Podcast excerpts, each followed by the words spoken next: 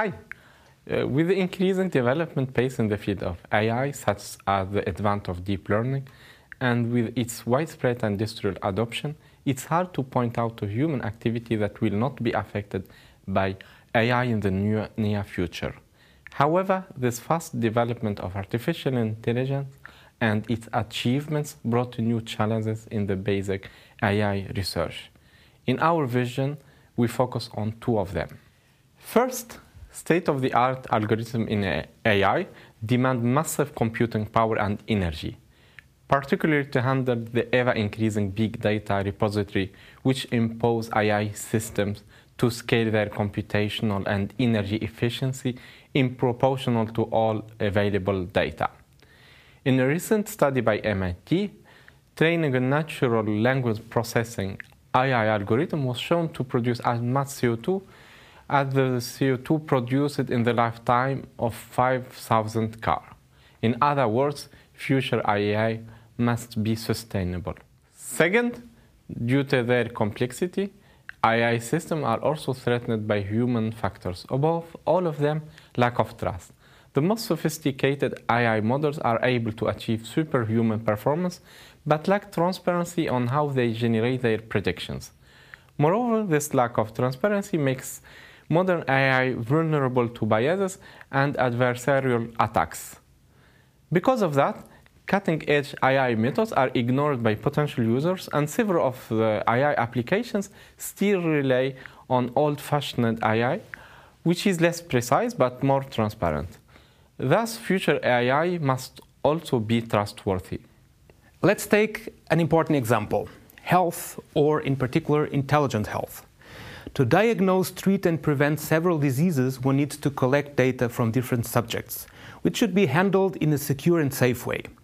Several examples of mental and brain disorders could be given. In all cases, the different strategies to store and access sensitive data are important in this scope. But also, one needs to prevent adversarial attacks, which are known to mislead the diagnosis and violate privacy by divulging that a patient was part of the training data. Security and reliability is needed, but it is not enough. Several AI algorithms can nowadays use massive quantities of data to detect particular features associated with one particular health stage, enabling the diagnosis of specific diseases. Still, the uncertainty of such diagnosis needs to be quantified, and the prediction itself needs to be explainable and understandable. What is behind those data patterns that makes them reliable indicators of some diseases? Is it possible to decrease the uncertainty of our diagnosis by combining the data sources in a different way or using other models? These are the important questions in the scope of what we call explainable AI, some of them related with, of course, data security and reliability. So we have security and reliability on one hand, and we have explainable or understandable AI on the other. So now we also need to consider different human factors of social, psychological, and legal nature clinicians may be aware of the most accurate diagnosis provided by an AI algorithm and still neglect it. What makes clinicians trust the prediction of a computational algorithm? What level of understanding do they need to rely on these algorithms as they do on their empirical knowledge? Moreover, we know that humans may or may not provide their private data, depending which data it is or how it is collected. So these questions are usually addressed in the scope of what we call human factors in AI. Together with this, there are two further challenges in a future scenario of increasing amounts of data the increase of energy cost and the computational complexity. The two main features around which we define our concept of sustainability in the scope of AI. Each one of these challenges appeals for new ways to perform computational tasks which will have an impact in data security protocols and how explainable models are built and designed. AI promising approach to optimize energy costs is to use neurocomputers. Finally, future computer science aims at quantum AI. Quantum computers will use quantum effects to speed up the computational efficiency of present AI algorithms.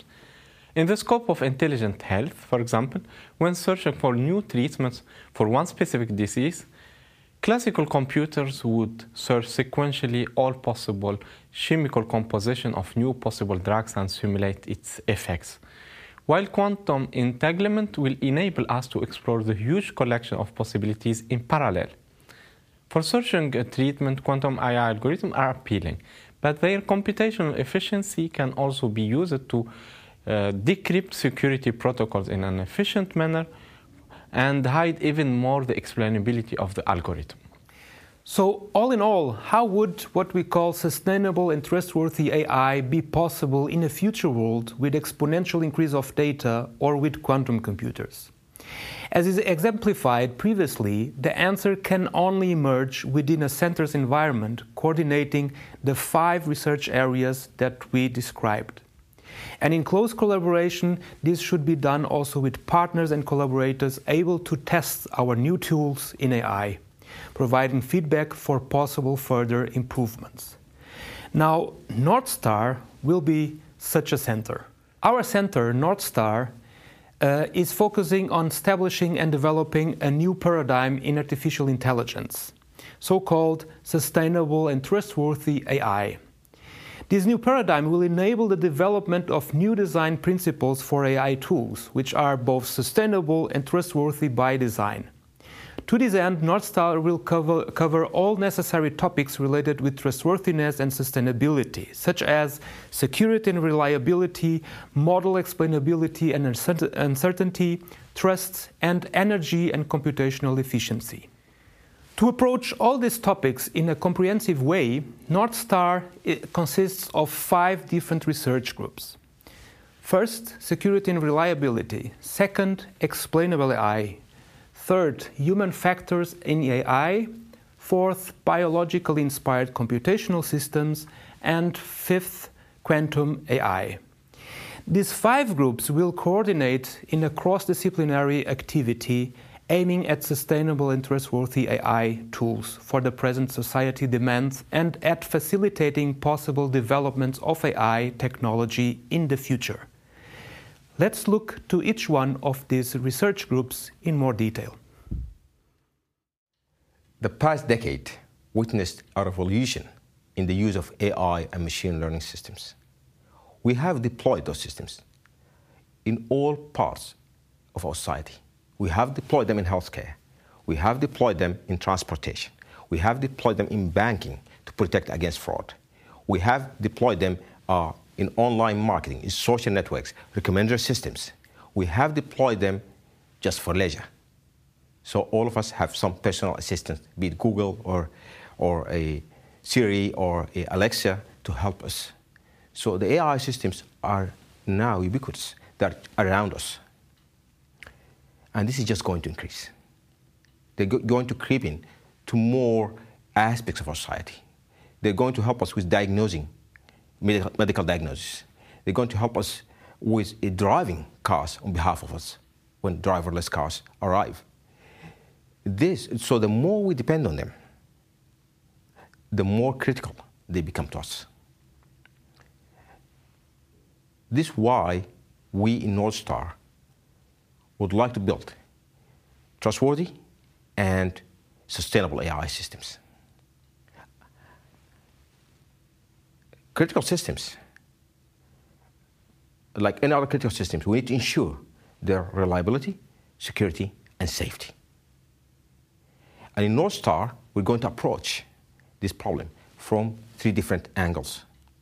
So the first one uh, has to do with the communication between AI systems. Today, AI systems are just centralized. So we have a huge uh, processing machine, computer, servers, one place with the data and they do all the magic for us. In the future, this is going to be more distributed. Why? Because we'll have cheap connectivity. Because we need AI everywhere. And with cheap connectivity that's coming with 5G networks, with wireless networks, we'll be able to send huge amounts of data very fast. And at the same time, we'll have sensors around us, IoT sensors, Internet of Things sensors, collecting data, and they'll be part of this huge AI system. Once this arrives, we need to ensure the integrity of the communication. the reliability of the system. We don't want our society to stop functioning because of an outage, because of a communication problem, a power problem, because the AI system got disconnected. We don't, our, we don't want our society to be crippled because of a cyber attack. So in NordSTAR, we're looking at this. Another aspect in NordSTAR is to look at AI systems that interact and learn from the environment. So those AI systems, we call them reinforcement learning systems. Just like children, they learn by trial. They just attempt to learn and try things and then uh, learn from that. Probably some of you have seen the AI program that won the Go game against Lee Sedol. That's a reinforcement learning system. So we'll be looking into the safety and security of those systems. And finally, of course, robots. We'll be looking at security and safety of robots. Robots are everywhere. Today, if you go to factory floors, you have robots. Uh, many, many places you have robots. At home, you have robots. But now this is becoming even more ubiquitous with the pandemic. Robots will be at stores. Robots will be in warehouses. Uh, so robots will be, will be, more and more robots around us, less and less invisible like today. Uh, so we need to ensure security and safety of the robotic systems. So together, uh, researchers from uh, OsloMet, SimulaMet will be collaborating on tackling those problems.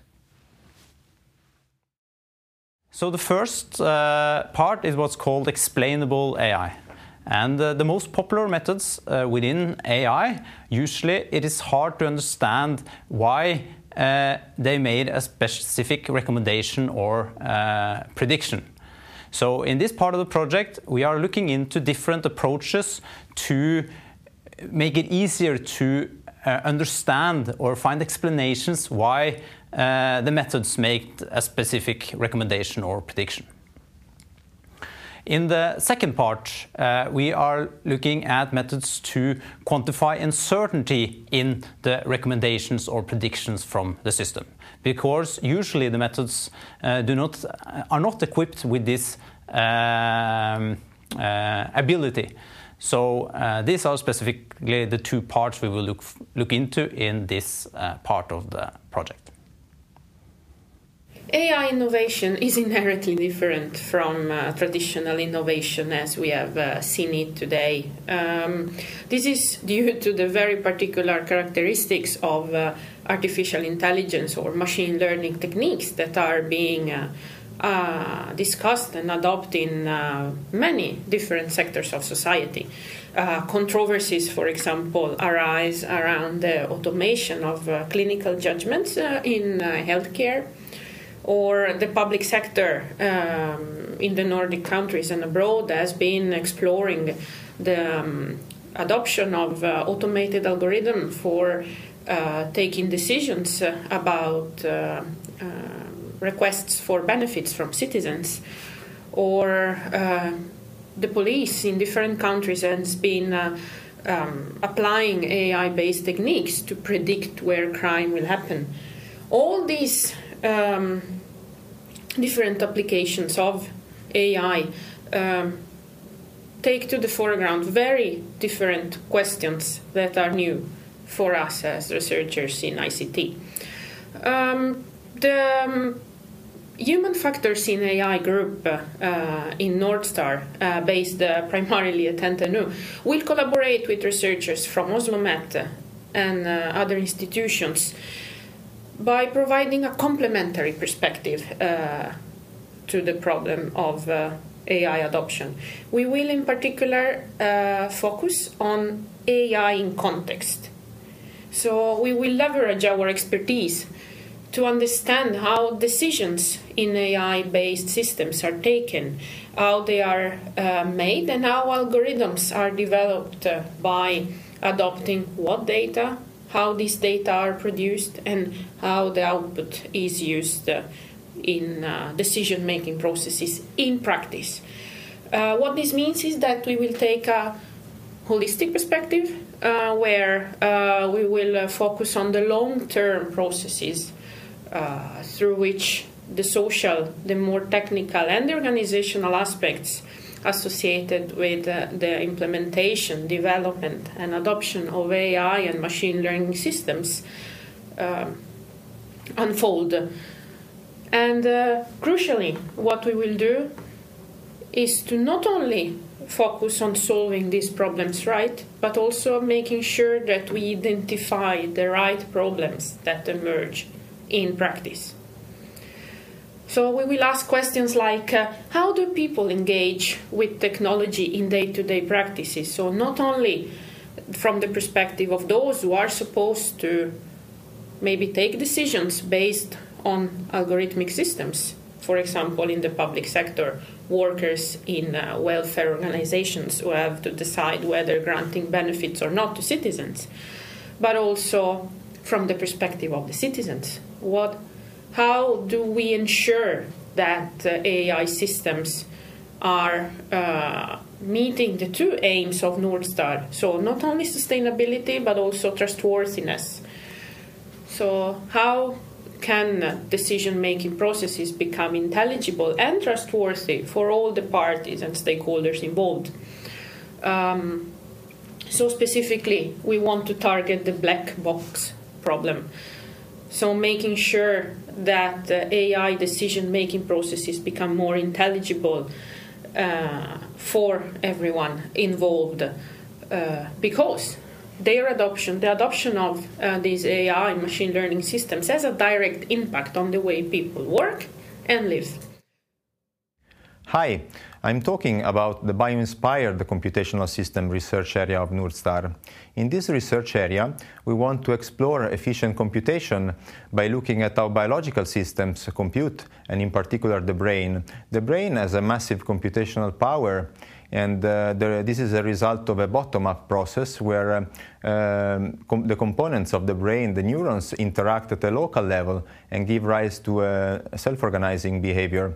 So we want to use an approach that rather uh, is bottom-up instead of the current uh, top-down approach that is used uh, for AI systems, where the components of the system are precisely engineered and put together. The brain is a very optimized computing machine. It uses very little energy. It runs on 12 watts. So uh, current AI methods are very energy hungry, and in particular, the learning process is the bottleneck of the algorithm, is um, using a lot of energy and uh, therefore also producing a lot of uh, carbon dioxide. For example, one popular model, uh, BERT, uh, famous language model from Google, as a uh, energy consumption that is uh, roughly the same as a round trip from New York to San Francisco. If we want to scale up uh, modern deep learning methods uh, to achieve the same computation as the brain, uh, we might encounter problems in terms of energy consumption, in terms of uh, environment. Uh, the main problems of the current deep learning methods are that they are not necessarily bio-inspired, they are not biologically plausible in the way the learning happens. In the brain, the learning happens at uh, local level with local signals. And rather, in current uh, deep learning methods, we use a global backpropagation of errors. Also, the brain, as we have mentioned, is uh, very, very much energy efficient. And um, by having models that are more similar uh, to the biological counterpart, we might also have a better explainability of the AI architecture by using common methods that are used in neuroscience. If we want to make better bio-inspired models of artificial intelligence and neural networks, we have to look at how biological neural networks work. In order to do that, uh, through modern biotechnology, it is possible to grow biological neural networks uh, in vitro in small petri dishes. And uh, it's possible to send inputs, electrical signals to them, as well as record electrical signals from the network. And therefore, it's, it's possible to create a neural network of a biological kind. By looking at the electrical signals that neurons use to communicate, as well as other physiological signals uh, from biological systems, uh, it is possible to uh, create better biologically plausible models of AI, as well as look into uh, energy efficient hardware, and in particular, neuromorphic substrate for spiking neural networks.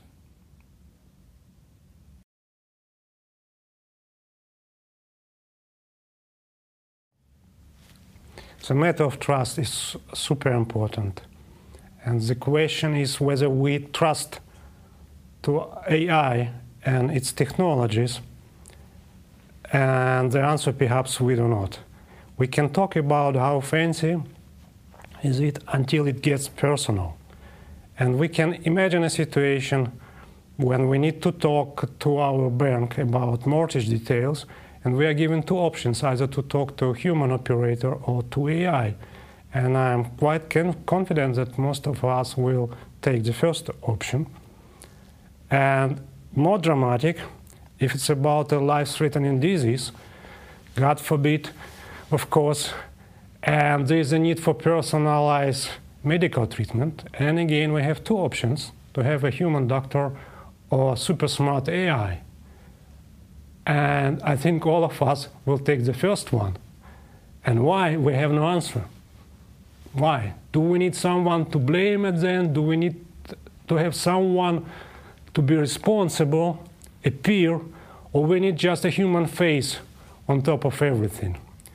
And this is explanation why I took this topic, the subject of the initiative, as personal one, because I myself have no answer to the question, and it resonates with my thoughts and concern.